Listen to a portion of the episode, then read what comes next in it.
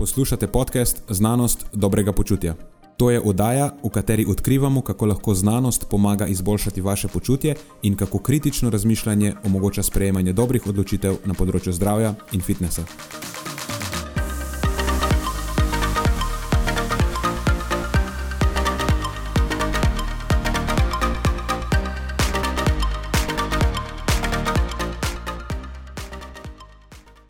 Preden začnemo, pa se moram zahvaliti še našim sponzorjem. Zaenkrat to še vedno ni velika korporacija, temveč zvesti poslušalci, ki nam izkazujete zaupanje in podporo s prijavo v našo člansko skupino Znanost dobrega počutja. Hvala vsem, ki s tem držite luči prižgane in omogočate podkastu, da raste in postaja še bolj kakovosten. Hvala tudi vsem, ki nas podpirate s pozitivnimi komentarji in visokimi ocenami, ter s tem, da priporočate podcast svojim znancem in prijateljem. Zdaj pa je končno čas za začetek epizode. Uživajte ob poslušanju.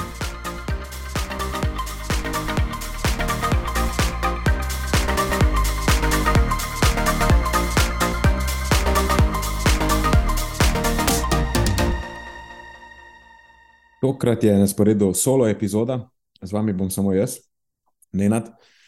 Nažalost se prejšnji teden s Fantoma nismo uspeli dogovoriti za skupno snemanje, Prejšnji teden je bil precej naporen, tako da naši urniki so bili izjemno zasedeni in dejansko nismo uspeli najti niti ene ure časa, da zadevo posnamemo skupaj.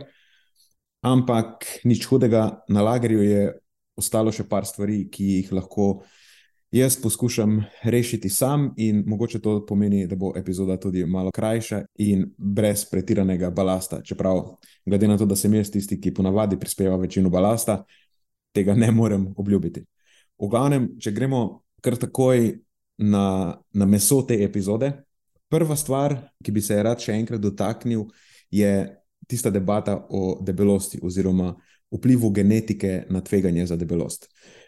Prejšnji teden, sploh ne zaradi naše epizode, naša epizoda je samo sovpadala s tem, ker je pač vpliv genetike na debelost zdaj precej aktualna tema, Torej, prejšnji teden je bila ta cela debata okoli genetike in debelosti precej aktualna, in pojavil se je en argument, da kako to, da se ne more biti genetika pomemben dejavnik, oziroma ne more pojasniti morda celo okoli 70 odstotkov debelosti, če pa recimo pred 50 ali pa še malo več leti je bila debelost praktično neobstoječa. Sej genetika se ne spremenja tako hitro.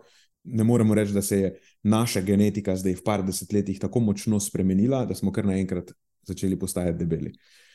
Um, ne, genetika se ni tako močno spremenila, ampak dejstvo, da je bila pred 50 leti ali pa še malo več debelost skoraj neobstoječa, ni dokaz, da genetika ni izjemno vpliven dejavnik. Ker genetika načeloma ne deluje v izolaciji temveč v interakciji z okoljem. In če rečemo, da je za nekaj v večinskem deležu odgovorna genetika, to še ne pomeni, da se bo neka stvar, v tem primeru recimo eh, debelost, izrazila vedno in neodvisno od okolja. Pomeni pa, da v trenutnem okolju lahko takšen in takšen delež pripišemo genetiki. In za debelost pač rečemo, da v trenutnem okolju konzervativno, recimo vsaj 50 odstotkov, morda pa celo do okoli 70 odstotkov, eni pravijo, da še več, ampak recimo rečemo okoli 70 odstotkov debelosti pojasni genetika. Ampak um, zdaj s tem najbrž nisem uspel nobenega pripričati, ker sem samo ponovil to, kar smo že rekli v prejšnji epizodi. Če, če probam biti malo bolj plastičen, bomo, bomo vzeli en eh, poenostavljen primer. Ful lažje bi bilo, če bi imel sliko, za ta namen, da bi lahko pokazal na sliki, ampak zaenkrat tega luksusa še, še nimam. In bom probal ubesediti, upam, da si boste uspeli predstavljati. Bom probal biti čim bolj slikovit z besedami. V glavnem. Dajmo si za primer predstavljati, da je nagnjenost k debelosti porazdeljena približno enakomerno, po tako imenovani Gaussovi krivulji, ker pač dajmo uporabiti to, ker to večina pozna. In pogosto so neke lastnosti populaciji porazdeljene normalno, torej po tej Gaussovi krivulji, rečemo temu. In zdaj za tveganje za debelost nisem ziger, da je dejansko porazdeljena normalno, oziroma enakomerno na obeh koncih olja povprečja, ampak recimo sem, da je to za, za učen primer, ker je za dost dobro. Se mi zdi, da je za dost točno. V glavnem, Če samo za ta učni primer vzamemo normalno porazdelitev, torej v tem primeru večina populacije pade nekje na sredini, okoli povprečja.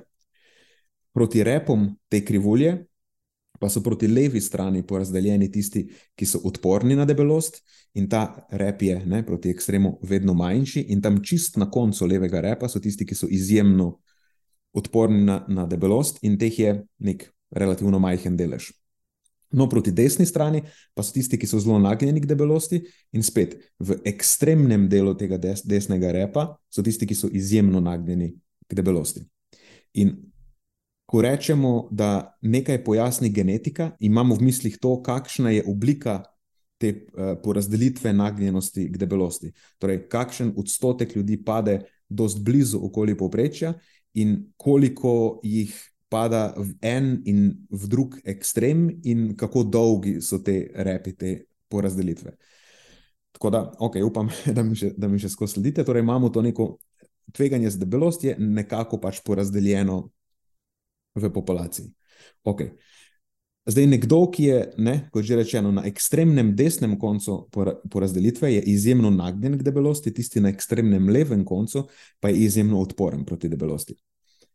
Ampak to še ne pomeni, da bomo imeli v populaciji vedno, neodvisno od okolja, nek relativno velik delež predebelih. Torej, še ne pomeni, da tisti, ki so od povprečja daleč stran proti desni strani, da bodo vedno postajali debeli. Ne pomeni tega. Tudi ne pomeni tega, da pa tisti, ki so pa daleč na levi strani, da nikoli ne morejo postati debeli. Ne pomeni tega. Vse je odvisno od tega, kje se ta naša porazdelitev dejansko nahaja. Torej, vse je odvisno od tega, eh, v kakšnem okolju ta naša hipotetična populacija s to hipotetično porazdelitvijo živi. Zdaj pa recimo, da obstaja neka meja, po kateri posameznik začne uživati preveč energije in se začne rediti. In predstavljamo si zdaj, da obstaja tudi neka premica, in nekje na tej premici, recimo nekje na, na desni strani te premice, je ta meja. Rečemo, da je to neka debelilna meja, rečemo temu. In zdaj, kakšen bo dejanski odstotek predebelih posameznikov v naši populaciji, je odvisno od tega, kje na premici se ta naša porazdelitev oziroma ta naša populacija nahaja.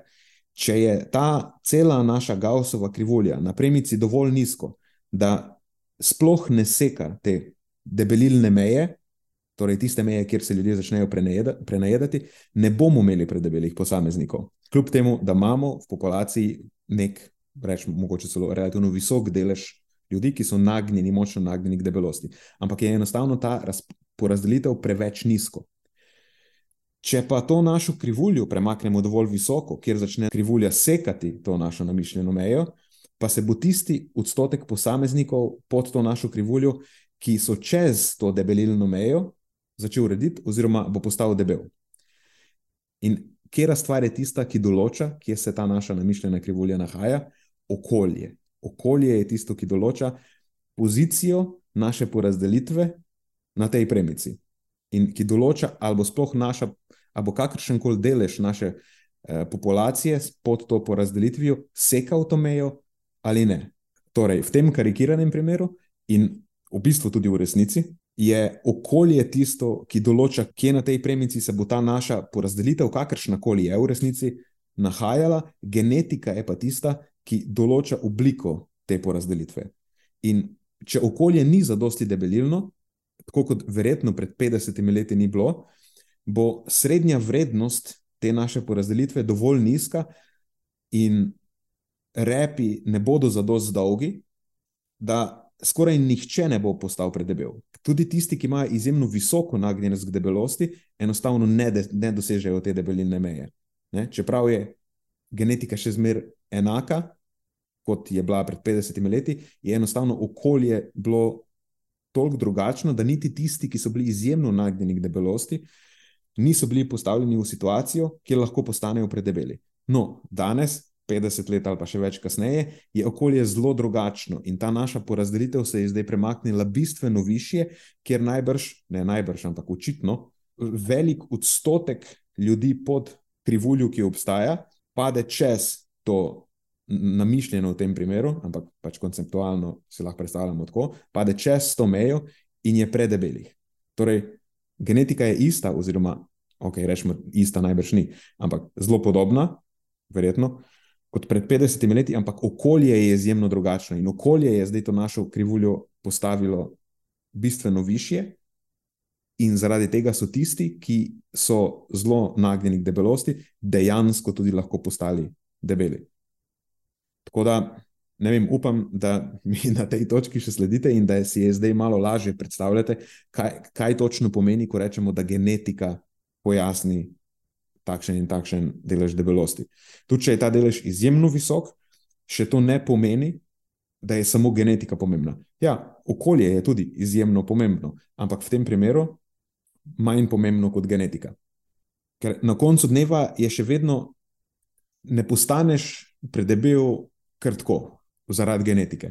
Ampak vemo, kakšen, po katerih principih ljudje postajajo predebeli. Tako, da zaužijajo preveč energije, glede na njihovo dnevno porabo. In to je nesporno.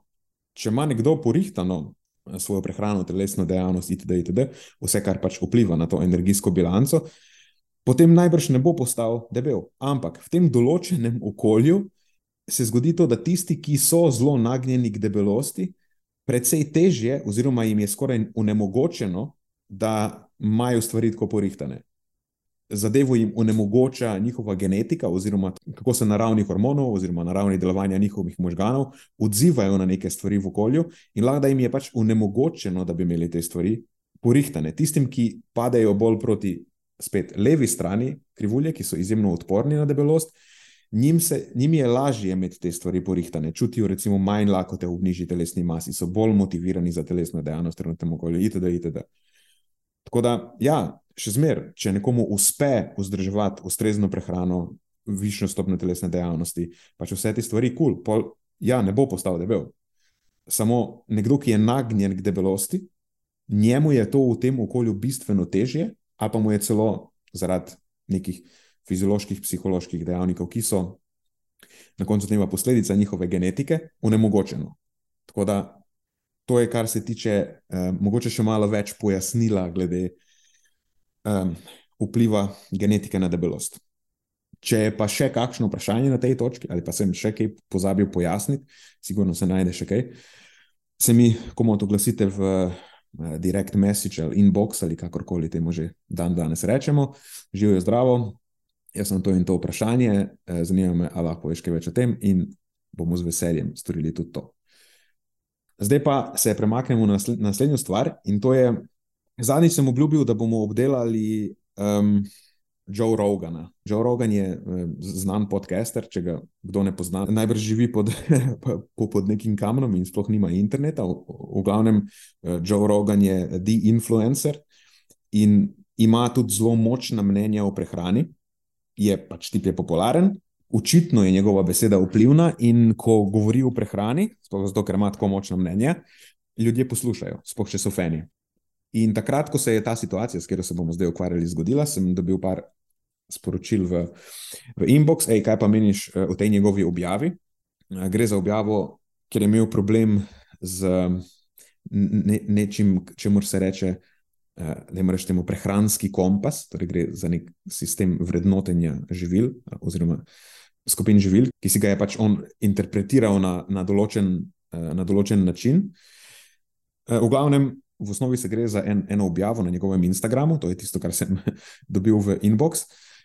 Zgodba je malo globja. Gre za eno zadevo, o kateri sta se Joe in njegov takratni gost, Max Lugaver, se mi zdi, da mu je ime, pogovarjala na epizodi, ki sta jo posnela, kjer je bil Max gost.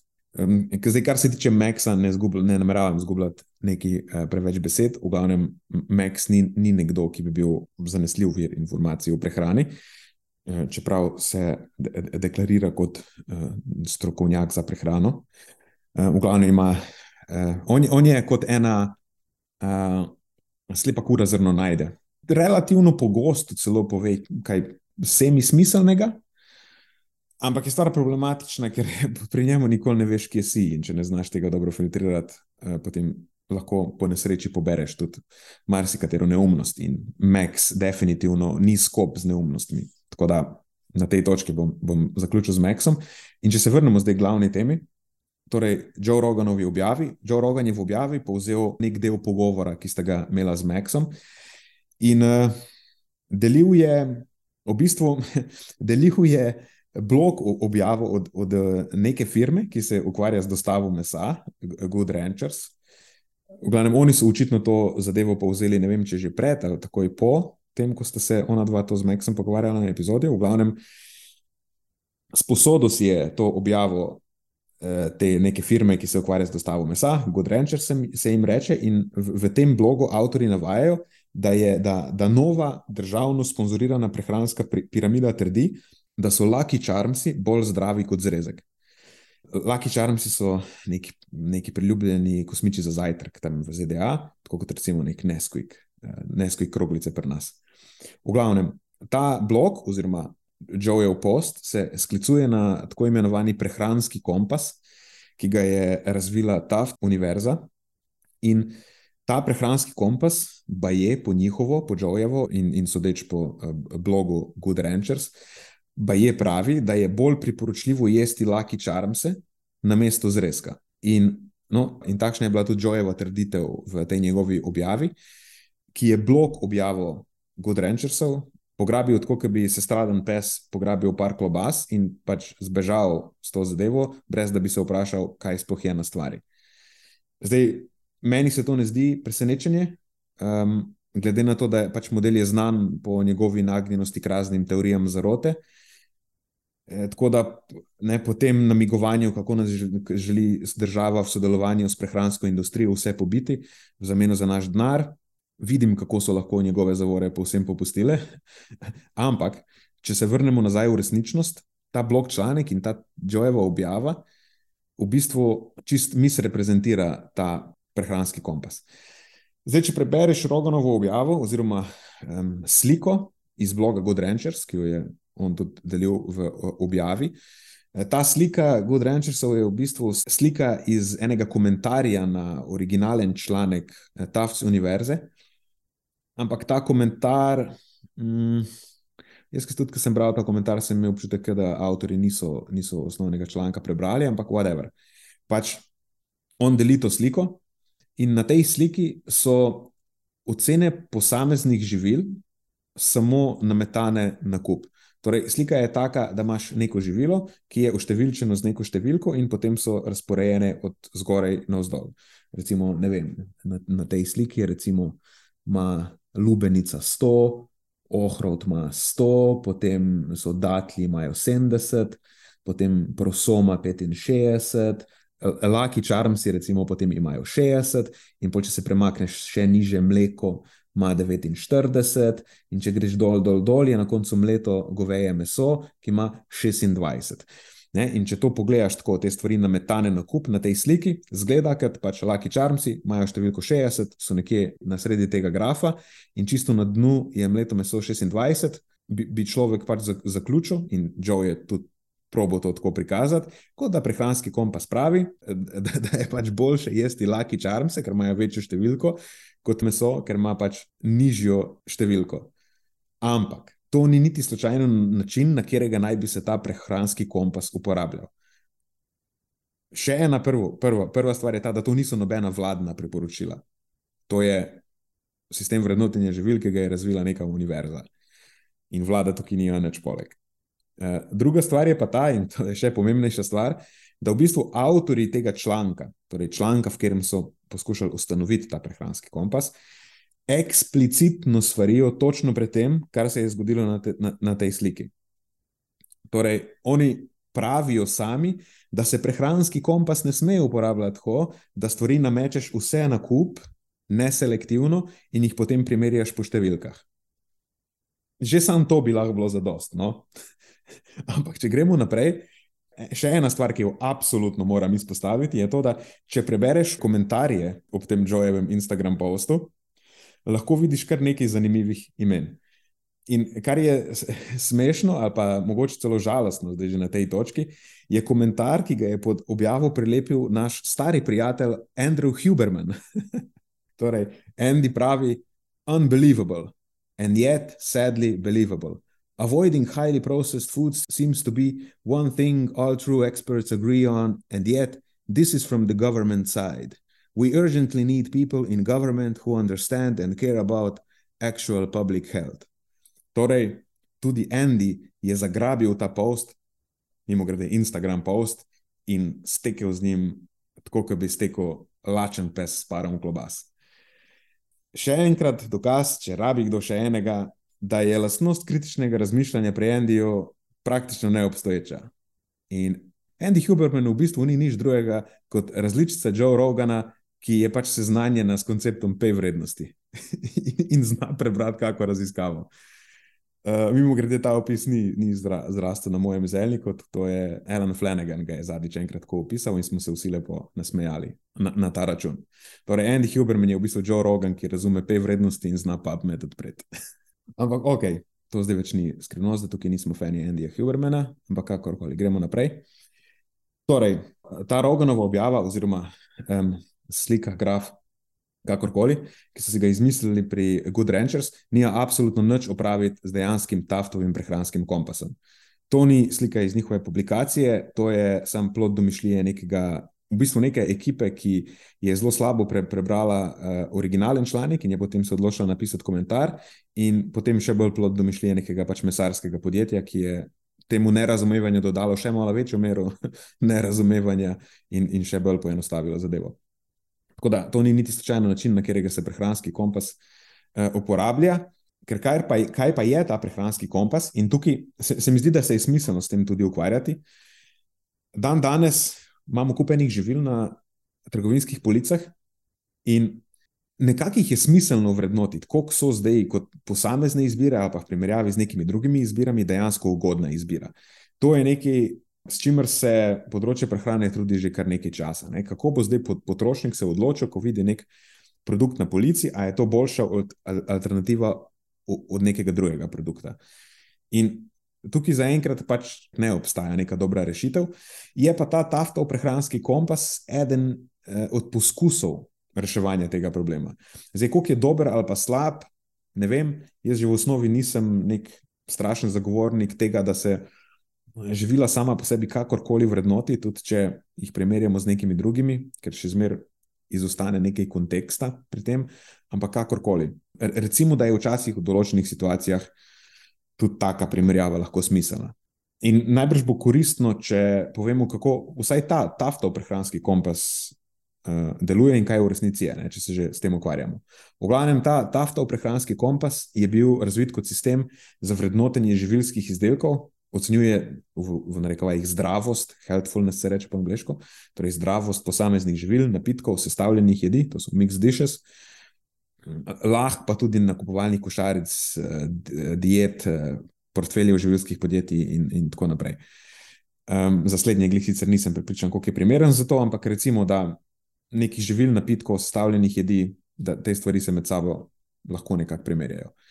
Ampak ta taftov prehranski kompas to primerjavo dela, pa poskuša narediti na zelo specifičen način. In je uporaben samo, če upoštevamo ta pravila. Če odpremo originalen članek z naslovom uh, Food Compass is a nutrient profiling system using expanded characteristics for assessing healthfulness of foods. Uh, mimo grede, ta prehranski kompas je nastal pod okriljem uh, Dariuša Mozafarijana, ki je eno izmed zelo eminentnih imen na področju prehrane. Ampak recimo, da to ni pomembno. Na tem podkastu se ne maramo sklicovati na avtoriteto. V glavnem, ta članek, ki sem ga omenil, je objavljen v reviji Nature Food z letnico 2021 in ta članek definira ta prehranski kompas. Torej, prehranski kompas, ki je poskus vzpostavitve novega, nekega drugačnega in boljšega nutrient profiling sistema, torej sistema za prehransko profiliranje. Kot že rečeno, obstajajo različni sistemi, po katerih te stvari vrednotimo, ne vem, neke zelene in rdeče lučke, sploh ne vem, kaj se pri nas uporablja. V glavnem obstaja jih kup različnih. V različnih državah uporabljajo različne, na različnih kontinentih uporabljajo različne, in vsak ima neke, neke pomanjkljivosti. Um, v bistvu za večino bi rekel, da imajo cel kup enih pomanjkljivosti, in tukaj so pač avtori s tem prehranskim kompasom probali vzpostaviti nek nov nutrient profiling sistem, ki bi bil boljši ali pa bolj uporaben od ostalih. In ta prehranski kompas vrednoti živila na podlagi 54 lastnosti, ki so razdeljene na 9 domen. In algoritem vrednotenja je čist evidence-based, in vsaka lastnost, ki jo vrednoti, je ustrezno utežena glede na težo dokazov. Recimo, kaj je vključeno? Prva domena je razmerje hranil, razmerje nasičenih in nenasičenih maščob, razmerje vlaknin in ugljikovih hidratov, razmerje kalija in natrija, potem so domene vitaminov, domene mineralov. Tukaj so zajeti glavni vitamini in minerali, ki so na globalni ravni najpogosteje povezani s podhranjenostjo in kroničnimi boleznimi. Ne, torej, živila točke zbirajo na podlagi tega, koliko imajo železa, koliko imajo ne, vitamina A, koliko imajo vitamina B12, itd. itd. Potem naslednja domena so sestavine, in tukaj med sestavinami so v bistvu zajete tiste skupine živil, ki imajo prepričljive dokaze, da vplivajo oziroma so povezane s kroničnimi boleznimi. So recimo pozitivne, sadje, neškrobnata zelenjava, stročnice, morska hrana, semena in oreščki, um, mlečni izdelki, mislim, da so jogurti, aha, rastlinska olja so zraven tukaj še v glavnem. Če je v tem živilu oziroma izdelku sadje, so to plus točke, dobi več točk. Če je neškrobnata zelenjava, dobi plus točke. Če pa po drugi strani je noter nekaj, eh, kar je vrednoteno kot negativno, recimo, da so sestavine rafinirana žita, rdeče in procesirano meso, torej stvari, ki so povezane z neugodnimi vplivi, potem pa dobi minus točke. Tako da to je, kar se tiče domene sestavin. Potem je domena aditivov, ki spet imamo dve kategoriji. Tiste, za katere je pokazano, da so pri splošni populaciji povezani z neugodnimi učinki, recimo dodani sladkorji, nitriti, delno hidrogenirana olja. Če zadeva vsebuje karkoli od tega, so to minus točke. Um, no, pol pa je še skupina tistih, ki so marker za in, industrijsko predelane izdelke. Recimo, če izdelek vsebuje sladila, arome, barvila, uvečevalce okusov, natrijev glutamat, pa so to tudi minus točke. Ampak ne minus točke zato, ker bi ta, te zadeve neugodno direktno vplivali, ali pa da bi se predpostavljalo, da je vpliv direkten, ampak zato, ker so marker uživanja niže kakovostne prehrane. Potem naslednja domena je procesiranje, pač s tem so zajeli tudi pokazane povezave specifičnih načinov priprave izdelkov ali pa jedi. E, minus točke se zbirajo glede na nova kategorizacija, to je kategorizacija, ki vrednoti, koliko je neko živilo predelano, bolj kot je predelano, več minus točk. E, fermentacija so plus točke, recimo cvrtje je vrednoteno z minus točkami in tako naprej, torej načini pridelave. To so pa še tri kategorije oziroma domene, te so pa namenjene posameznim hranilom e, oziroma snovem, ki so tudi dosledno povezane z ugodnimi ali pa neugodnimi izidi. Recimo imamo domeno lipidov, recimo kolesterola, to je več kot ga je, se zbirajo minus točke, enkrat nenasičenih maščob so plus točke, alfa-linolenska kislina so plus točke, EPA pa DHA, torej dve dolgovrižni omega-3 maščobni kislini so plus točke. Potem naslednja domena so vlaknine in beljakovine, več kot je skupnih vlaknin, več plus točk, več kot je skupnih beljakovin, plus točke. In še zadnja domena so fitokemikalije. Tako da tudi fitokemikalije so zajete in uvrednoteni so skupni flavonoidi in skupni karotenoidi. Tako da vidimo, da ta taftov prehranski kompas en cel kup stvari dejansko vzame, vzame v zakup. In se mi zdi, da je kar dober poskus tega, da neko živilo v izolaciji od vsega ostalega, tudi v izolaciji od konteksta, uvrednotimo. Torej, da mu damo neko številko. Pač ni najslabši primer, ki sem ga jaz videl. In pač na podlagi tega algoritma, ki obstaja, zdaj, če koga to zanima bolj podrobno, bo pač šel v dodatno gradivo tega članka, originalnega, to prebrati, ampak kakorkoli. V bistvu imamo zdaj algoritem, imamo 9 domen, skupaj 54 um, lastnosti in na podlagi tega vsako živilo ali pa napitek dobi neke točke. Od minimuma, ki je nepresenetljivo nič, do maksimuma, ki je 100. Torej, od nič do 100 so vsa živila uvrednotena. No, zdaj pa to, kar je v tej zgodbi najpomembnejše. In to je tako jasno vsakemu, ki je šel pogledat samo, samo uradno stran, samo, pa niti ne uradno stran, samo, samo slike na uradni strani tega prehranskega kompasa. Niti ni rabil ničesar brati, bog ne da je celo odpret originalnega članka. In kar tukaj že same slike na uradni strani komunicirajo, da se živila primerjajo samo in izključno znotraj posameznih skupin živil, oziroma znotraj posameznih kategorij. Absolutno neprimerno je uporabiti številko iz nekega živila iz kategorije sadja, ali pa v tem primeru žitnih izdelkov, in to številko potem primerjati z številko nekega živila v povsem drugi kategoriji mesa in mesnih izdelkov. Eksplicitno je povedano s sliko in besedo, da je to neprimeren način uporabe tega prehranskega kompasa. Ampak Joe Rogan in družščina so naredili točno to. naredili so točno to, kar je povedano, da se ne sme delati. In so mislili, da so odkrili neko zaroto. V glavnem, če, če pogledamo primere, ne? recimo, imamo kategorijo napitkov. Vidimo, da so najnižje znotraj te kategorije so neki sladkani sok, sokovi, energijski napitki. Jaz sem bil izjemno razočaran, recimo Monster Drink uh, in podobno. To je vse vrednoteno z ena, torej zelo malo točk od 100. No, potem nekje na sredini so sadni sokovi, 50-stotni jabolčni sok in tako naprej, točkovani s 36. Potem črna kava, recimo, ima 55 točk. In najvišje zanimivo je pa pač sok zelene med napitki, ki ima stotico. In kaj zdaj lahko tukaj potegnemo iz tega, je to, da če se odločamo o tem, kaj bom spil, ker sem žejen, je sok zelene absolutno boljša izbira od energy drinka, v večini primerov za splošno populacijo. Če grem trenirati, še zmeraj najbrž bom pač raje izbral energy drink ali neki. Ne? Še zmeraj je kontekst pomemben. Ampak tako v neki širši sliki nam lahko pove, kaj je bolj ali pa manj ugodna izbira znotraj, znotraj kategorije, recimo napitkov. Ne? Recimo črna kava bo boljša od energy drinka, če, če moram zbirati že med nečim, kaj vsebuje kofein. Ali pa recimo sok zelene bo v večini primerov boljša izbira od nekega sadnega soka. In podobno je pri vseh ostalih kategorijah, recimo med žiti. Neki pita kruhki, ki so pač samo bela moka in voda, imajo številko ena. Nudli, ki že imajo jajca zraven, so 26. Laki čarmsi, ki so obogateni z vitamini, imajo 56. Ovsena kaša ima 89.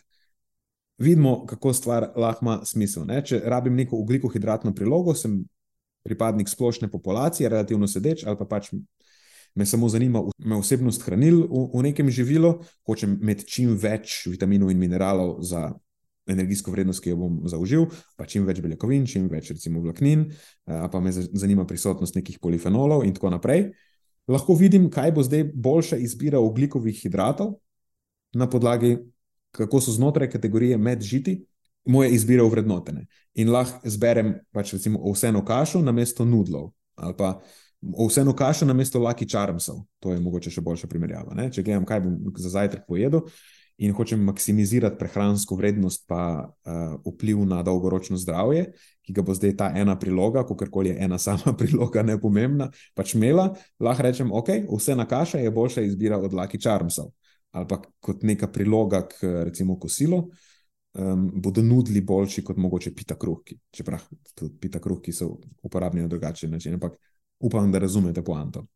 In isto, lahko recimo ta primer, ki je še, mogoče še bolj slikovit, je, je z kategorije sadja. Predelano in sladko sadje se vse nahaja nekje tam nad 15 do 50, 60, manj predelano, manj sladko sadje je, je točko, točkovano z 80 do 100. Recimo, če podamo en primer za različno predelane češnje, ker je to oglih na grafu. Te maraskino, to so pač kompot, češnjev kompot, je uvrednoten s 26. Suhe češnje so vrednotene s 55, surove češnje so vrednotene s 100. Mislim, da ne rabim več ničesar povedati. Ne? Če pač v izolaciji gledamo, kaj bo za večino boljša izbira, bodo pač surove češnje boljše od kompota, a pa suhe bodo boljše od kompota, a pa surove bodo boljše od suhih. V glavnem, poanta je ta, da ta prehranski kompas je namenjen čim bolj specifičnim primerjavam bolj podobne stvari kot primerjaš, bolj je uporaben. Ne? Ker v bistvu že celo, celo znotraj same kategorije sadja, ki je tako izjemno raznolika, je že lahko manj koristen. Eh, če primerjaš zelo različne sadeže, recimo tako, zrela banana 64, breskov kompot 97, navadna banana 83, eh, navadna breskev 100. Um, zdaj, lahko je koristen v smislu, da pomaga ločiti med prehransko bolj ugodno izbiro banane Ampak težko bi jaz nekako rekel, da je breskov kompot nujno boljša izbira od zelo zrele banane. Pač po tem točkovniku bi tako izgledalo, ampak tudi za večino, no, težko rečem, da zdaj je breskov kompot nujno boljša izbira od zrele banane. Um, tako da, pač kdorkoli to uporablja, pa želi vrednotiti svoje izbire s tem prehranskim kompasom, ja, to je nekaj za upoštevati. Če, če pa recimo imamo eno tako kategorijo, ki je pa nasplošno, znotraj kjer je pa nasplošno ta zadeva zelo uporabna, pa bi mogoče celo lahko rekli, zdaj, ki imamo tukaj že odprto, da to je kategorija morske hrane, jajc, mlečnih izdelkov in mesa. Če pogledamo, kako ta graf zgleda, losos je uvrščen najvišje. Sojin napitek je točkovan boljše od kravjega mleka. Logično pač, tim soj. Um, sojin napitek je boljši. Uh, okay. Kakorkoli, govej izrezek je nekje v spodnji tretjini, hodok je čist zadnji, stri. In recimo procesiran sir je v spodnji četrtini, mozzarella pa v zgornji polovici. Ne, zdaj, vidimo, če, če rabim zbrati neke beljakovine k svojemu obroku zraven, vidim, da okay, losos super izbira, veliko točk. Govej izrezek, če imam na voljo, ali pa recimo hodok, vem, ok, definitivno govej izrezek, boljša izbira od hodoga. Ne? Hodok je tako nizko, če ni nič drugega, pol hodok. um, pa pa recimo tudi, če primerjamo sire, vidimo, ok, procesiran sir v spodnji četrtini, mozzarella v zgornji polovici, torej če zbiram dva sira, mozzarella je boljša izbira od procesiranega sira. Tako da to, to je poanta, pač, da primerjaš podobo, podobna živila med sabo, ne ker vse počes. Ker ne moreš primerjati hodoga s tri eh, z Monster Energy drinkom, ki ima ena, kaj bi zdaj rekel, da je hodog boljša izbira od Monster Energy drinka. Mislim, to nima nobenega smisla. To, to je na, na večjih nivojih, je to povsem nesmiselna primerjava.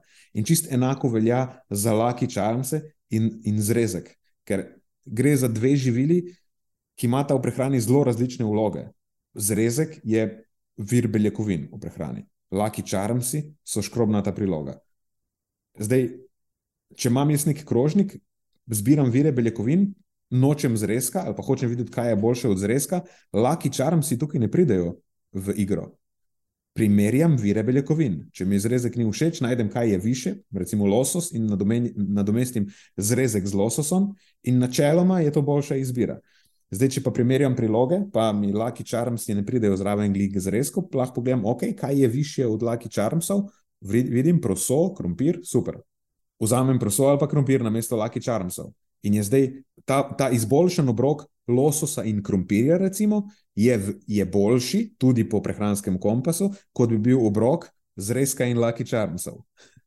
Tako da, prehran, še enkrat, prehranski kompas je uporaben takrat, ko se primerjajo živila znotraj ene kategorije um, živil. Torej, recimo, ko primerjamo vire beljakovin med sabo, ko primerjamo škrobne priloge med sabo, ko primerjamo sadje med sabo.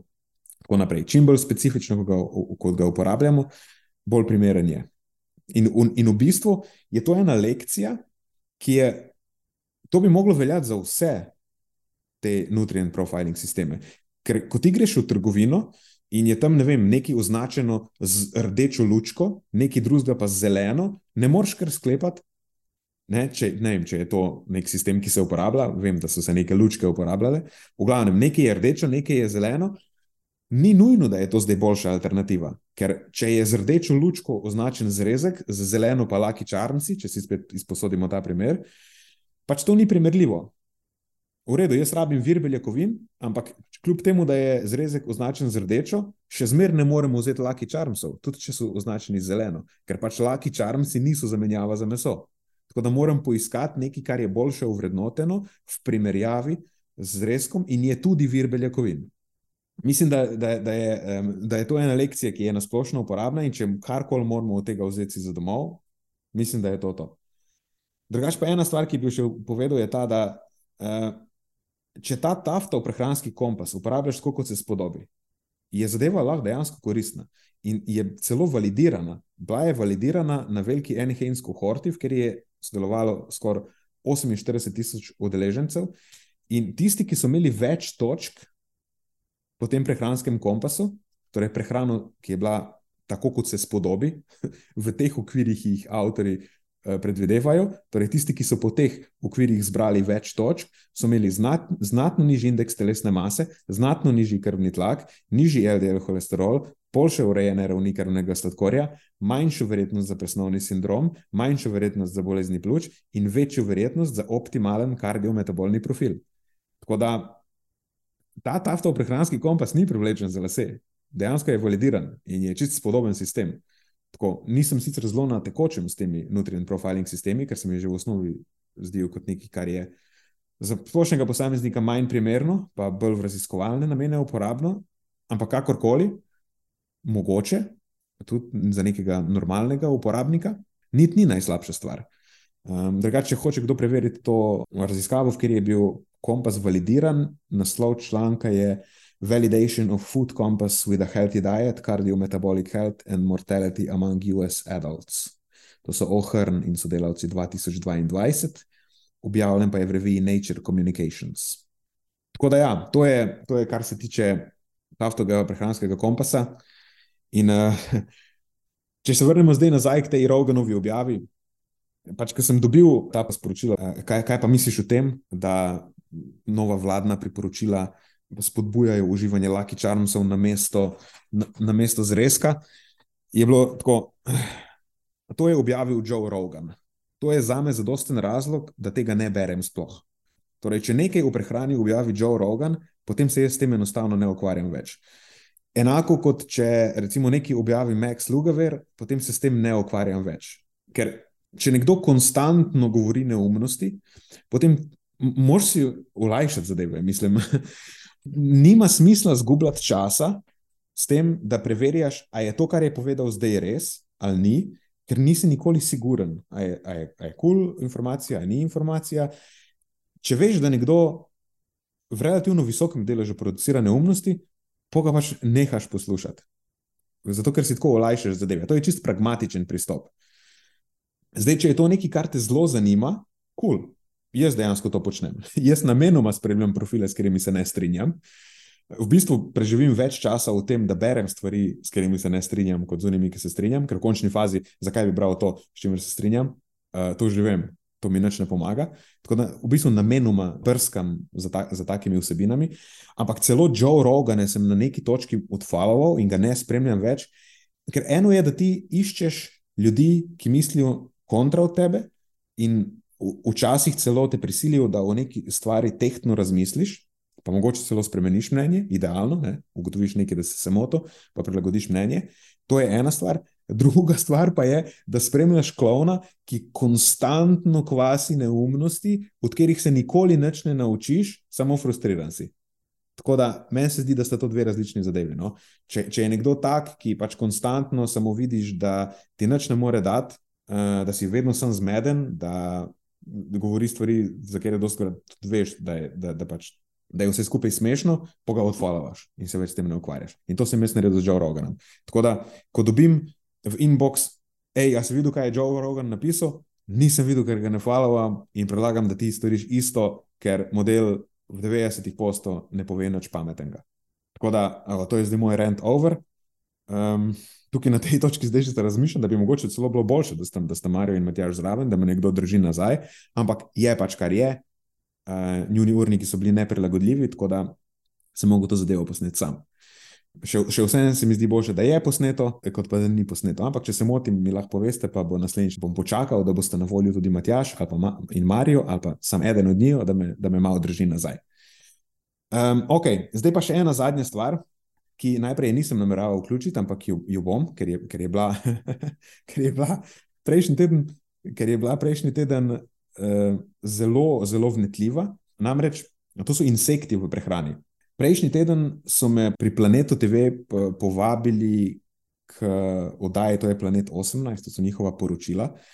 Eh, delali so prispevek na temo žuželk v prehrani, ker za 24. januarjem Eh, tega leta, je zdaj poleg ličink mokarja eh, za prehrano ljudi, so, je dovoljen tudi razmaščen prah, nisem ziger, če samo razmaščen prah ali kaj drugega, eh, hišnega murna, čričkov po domače. Torej, tudi to je od zdaj naprej dovoljeno v prehrani in jih je zanimalo, kakšen je potencial in prihodnost želje po prehrani, itd. itd. In eh, zanimivo, da je to moje pojavljanje v tej oddaji in moje mnenje, ki ga imamo, očitno zelo, zelo kontroverzno, naletelo na kar nekaj neodobravanja. Eh, dobil sem tudi eh, pismo oboževalcev, v narekovajih, seveda, seveda oboževalcev. Tako da zdaj sem na tarči ne samo militantnih veganov in karnivore, oziroma militantne low carb množice, temveč tudi nasprotnikov. Ne vem, če lahko rečemo nasprotnikov uživanja. Mislim, da tukaj gre za neko teorijo zarote.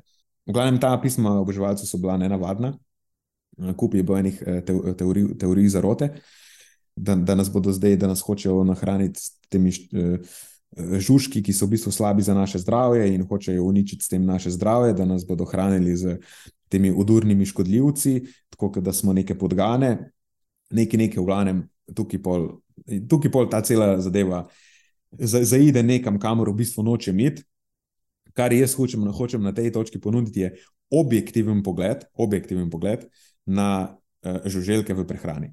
In stvar je taka: žuželke v prehrani niso nič čudnega. V bistvu smo mi, evropejci, oziroma zahodnjaki, oziroma vsi, ki izhajamo iz, iz nekega evropskega kulturnega uh, ozadja, oziroma ki imamo evropsko zgodovino, tukaj v bistvu smo sami evropejci, pa američani, več ali manj, smo edini, ki ne jemo žuželk. Ajde, avstralci so še zraven, ne? tudi kot nekdo, ki nam je kulturno zelo soroden. Vsi ostali, dobesedno cel svet, tako skoraj cela Azija, Afrika, Oceanija, Južna Amerika, vsi jejo žuželke že odvedno. V bistvu so žuželke nek živalski vir beljakovin in ostalih hranil, zelo primerljiv meso. In tudi, če jih primerjaš po prehranski vrednosti, so izjemno podobni gre za visoko kakovostne beljakovine, zadeva vsebuje tudi izvedika mikrohranil. Zelo podobne stvari so recimo vir vitamina B12, so vir železa, bakra, cinka, zelo magnezija. Imajo pa še en plus in to je njihova maščobno-kislinska sestava, ki je v bistvu bolj ugodna od večine mesa, sploh pa rdečega mesa. V rdečem mesu večinoma nasičene maščobe, na tej točki ne rabim izgubljati besed, na tem podkastu je bilo veliko. Uh, uh, hotel sem reči, črnila prelitega, ampak tukaj ne prelivamo črnila, ampak uh, besede. Torej, veliko je bilo že povedanega o neugodnem vplivu previsokega vnosa nasičenih maščob, predvsem na srčno-žilno in presnovno zdravje. No, žuželke so predvsem vir večkrat nenasičenih maščob. Tako da tudi v tem pogledu, sicer gre za druge vrste nenasi, nenasičenih maščob, daljše verižne kot iz rastlinskih virov, ampak je neka indikacija, da bi lahko vpliv vnosa teh maščob bil bolj ugoden od višjega vnosa nasičnih maščob, recimo iz govedine. Tako da to je še nekaj za razmisliti. Zdaj, kar se tiče pa minusov, minus je ta, da so pač kulturno nekako na manj sprejemljivi, da neki faktor gnusa tukaj obstaja, ki je po mojem bolj kulturno kot kakorkoli drugače pogojen, ker v drugih delih sveta žuželke imajo na jedilniku, pa ne zato, ker ne bi imeli drugih živil, ampak jih celo obravnavajo kot specialitete, tako namenoma iščejo neke žuželke. In če tam rečeš, ne vem, kaj pa je zdaj, kaj so specialitete v tistih krajih. Ampak če nekoga vprašaš, a boš, a boš raje pljučno, a govedino, ali ti tam prenesem nekega, ne vem, XY super fancy termita, ti bodo vsi rekli, ja, valjda, kje so termiti. Tako da obravnavajo jih kot specialitete in jejo jih tudi v tistih delih sveta, kjer imajo fulene druge hrane. Eh, tako da ne gre za to, da bi bili insekti kakorkoli manj vredna hrana, pač mi imamo do njih nek odpor, ki je več ali manj kulturno, uh, kulturno pogojen. Tako da to je en minus. Um, drug minus je pa mogoče, mogoče ta, da vsebujejo hitin, pač je del eksoskeleta pri žuželkah. Zdaj ta hitin je v osnovi neprebavljiv, v bistvu se obnaša kot neka netopna prehranska vlaknina. In kar se mene tiče, jaz tukaj ne vidim nekih posebnih problemov, ampak v in vitro študijah se pokaže, mm, da bi lahko ta hitin v določenih primerih stimuliral imunski sistem na način, kot ga ne želimo, eh, da bi bil lahko nek iritant. Ampak spet, to je samo in vitro. In tudi, če gremo pogledati dokument od EFSE, torej tisti dokument, s katerim so nekako uradno odobrili uporabo razmeščenega praha hišnih morov v prehrani ljudi, uh, je tam odstavek, pa celo dva, pa celo več njih, se mi zdi, na večjih delih je omenjen hitin. In je precej dobro razdeljeno, kako pri večini ljudi to verjetno ni nekaj, s čimer bi se mogli obremenjevati. Plus, nismo bili čist ziger, da človeški želodec ne vsebuje hitinaze, to je encim, ki raz, razgraja hitin, vsaj do neke mere. Tako da, če bi zasledovali to pot razmišljanja naprej, je neka celo verjetnost, da, so, da, so, da je del, vsaj del tega hitina razgradljiv, in potem, da so insekti tudi vir nekega manjšega deleža ugljikovih hidratov na ta račun. V glavnem, kakorkoli, mene osebno to zaenkrat ne skrbi. Obstaja precej dobrih argumentov, zakaj bi bilo smiselno žuželke vključiti v prehrano. Zdaj, meni se zdijo najpomembnejši ti prehranski, ki sem jih naštel. Obstajajo tudi okoljski argumenti, ker je pridelava žuželk precej manj obremenjujoča za okolje žuželke so pač hladnokrvne živali.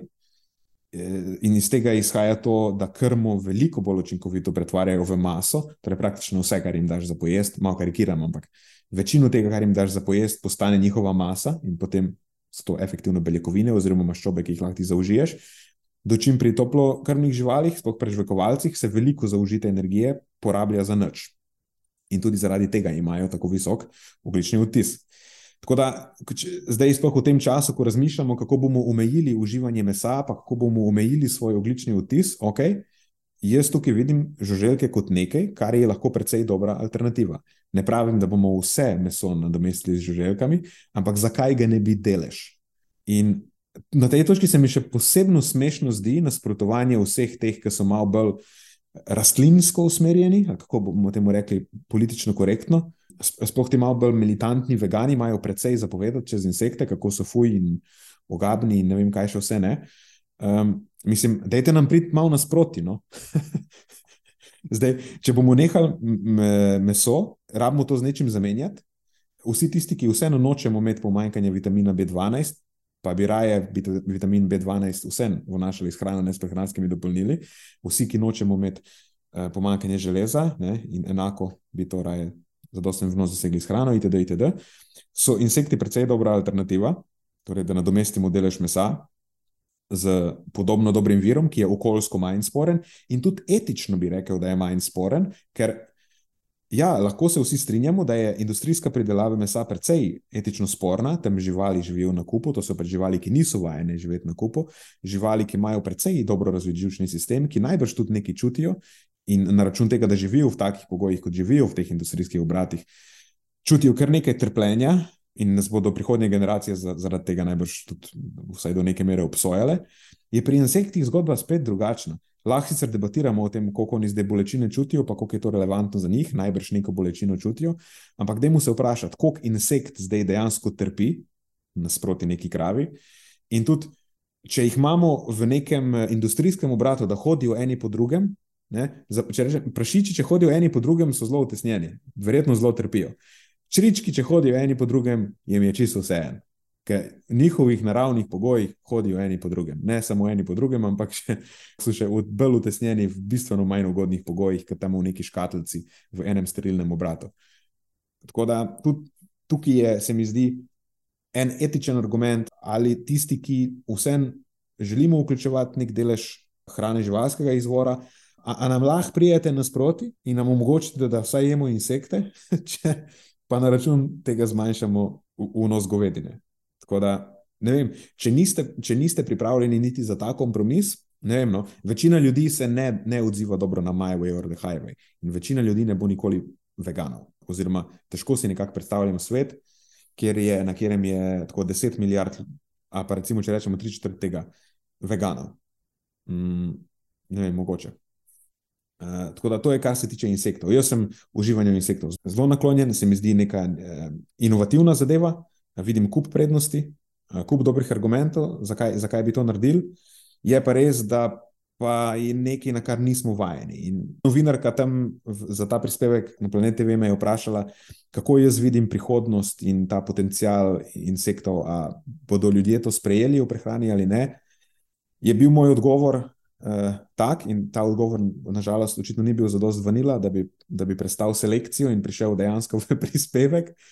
Ampak povedal sem eh, nekaj takega, da pač tisti, ki prepoznajo dober argument, ko ga slišijo, tisti, ki odločitve v zvezi s svojo prehrano, zdravjem in tudi nasplošno sprejemajo na podlagi dejstev in dokazov, in tisti, ki so odprti za novosti, takrat, ko so te boljše od nekih usta, ustaljenih stvari, oziroma tega, kar imajo zdaj, da oni ne bodo imeli problema in bodo sprejeli insekte v prehrani. Ampak po drugi strani, pa tisti, ki ne prepoznajo dobrega argumenta, tudi če bi jih ta zadev direktno v glavo, in tisti, ki odločitve v zvezi s čimerkoli praktično v svojem življenju sprejemajo na podlagi eh, nekih čustev, zakorenjenih prepričanj, eh, teorij zarote ali pa ideologij. In tisti, ki so ukalupljeni in niso odprti za novosti, niti takrat, ko so te novosti boljše od tega, kar imajo zdaj, da njim bodo pa šle žuželke precej težje po grlu. Ja, in, in pač to je moje stališče. No. Zdaj, še ena stvar je tukaj zapovedati, zelo pomembno. Očitno veliko ljudi misli, da nam bodo zdaj žuželke kar naenkrat začeli skrivati v prehrano. to se ne bo zgodilo. Zakonodaja na, pod, na področju živilstva v Evropski uniji je izjemno stroga in absolutno bodo te stvari označene na embalaži ne boste kar naenkrat jedli kruha z žuželkami, vsaj ne več večjih ne bo noter, kot jih je že zdaj, ker v bistvu vse povsod so delci žuželk noter, to je ne mogoče se tega znebiti. Ampak, kakorkoli, ne bo noben namenoma dodajal razmaščenega prahu hišnih murnov v kruh, brez da bi vi to vedeli. Če bodo žuželke v teh oblikah, kot so bile odobrene za prehrano v produktih, bo to jasno označeno. Pa ne samo zato, ker mora biti, po moje, ampak zato, ker obstaja nek subset, nek, nek del populacije, ki bo gravitiral k tem inovativnim izdelkom, in se mi zdi, da bo večina proizvajalcev itak eksplicitno napisala, ker bo pač želela vzbuditi neko določeno reakcijo pri potrošniku, bo napisala na veliko, na embalaži, zelo eksplicitno, da ta zadeva vsebuje ali pa bazira tudi na insektih. Tako da jaz tukaj ne vidim ničesar kar bi bilo kakorkoli sporno, te zadeve bodo jasno označene, ne samo zato, ker morajo biti, ker je taka zakonodaja, ampak tudi zato, ker bo to proizvajalcem v interesu. Sploh pa zaenkrat so te sestavine drage. Noben vam ne bo sestavine, ki stane 20, 30 ali pa še več evrov na kilogram, skrival nekam noter. To je tako, da bi se bali, da, da vam bo kdo v šop bankovcev za 10 evrov potaknil kakega stotaka. To je pa samo smešno. To se ne bo zgodilo. Plus še ena stvar je, ljudje, ki so alergični na morske sadeže, zato ker so določeni eh, v bistvu reakcije in take stvari so izjemno sorodni insektom, lahko pride do navskrižne reakcije. Nekdo, ki je alergičen na rakce, je lahko alergičen tudi na, na hišnega murna. In zaradi tega bodo stvari ne samo, da bodo označene med sestavinami, ampak da bodo označene z udebeljeno pisavo. Tako da imamo zadevo, ki mora biti označena z udebeljeno pisavo na eh, deklaraciji, torej na označbi, in verjetno tudi na prvi strani, zato ker bo to proizvajalcem v interesu, bo tak en velik čriček narisan na embalaži, tako da no, nihče ne bo jed, jedel teh insektov po nesreči. Mislim, da je bila to še zadnja stvar, ki smo jo mogli povedati. In s tem zaključujem to mojo solo epizodo. Nimam pojma, kako je bila dolga, če je bila predolga, pejte težiti Marijo in Matjažu v inbox, zakaj noben ni bil tukaj, da bi me umiril in da bi ta zadeva potekala ma, malo bolj utirjeno in da bi bila bolj učinkovito izvedena.